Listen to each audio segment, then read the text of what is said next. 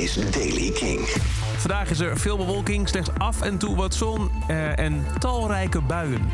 In de kustprovincies is er een kans op onweer en hagel. Het wordt 12 of 13 graden. Nieuws over Metallica, Suede, Conor Mason en nieuwe muziek van The War on Drugs. Dit is de Daily King van dinsdag 27 september. Michiel Veenstra. Te beginnen met Metallica. Die gaan een heel bijzondere show doen... om de twee mensen die ze ooit als eerste een platencontract hebben aangeboden te eren. Het gaat over Johnny en Marcia Zazula.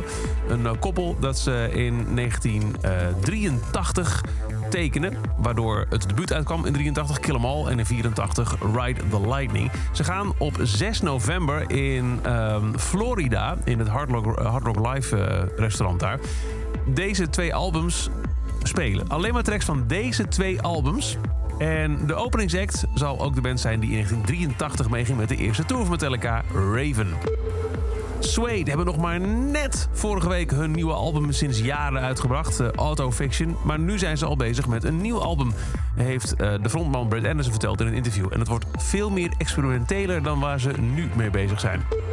Een spannende stap voor Conor Mason, de frontman van Nothing But Thieves. Hij start een solo-carrière. Onder de naam Man Made Sunshine heeft hij een EP opgenomen... waarvan morgen, woensdag 28 september, de eerste single uitkomt.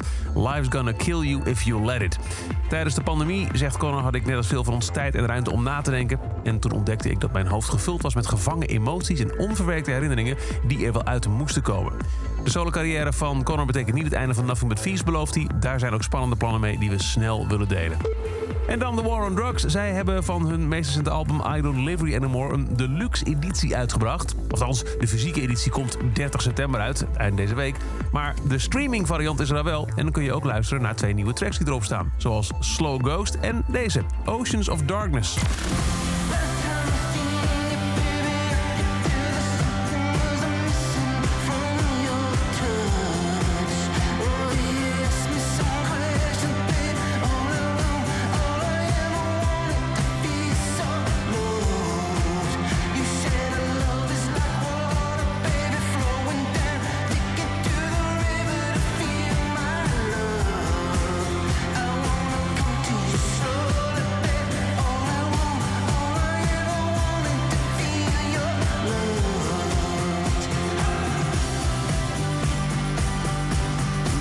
Muziek van The War on Drugs.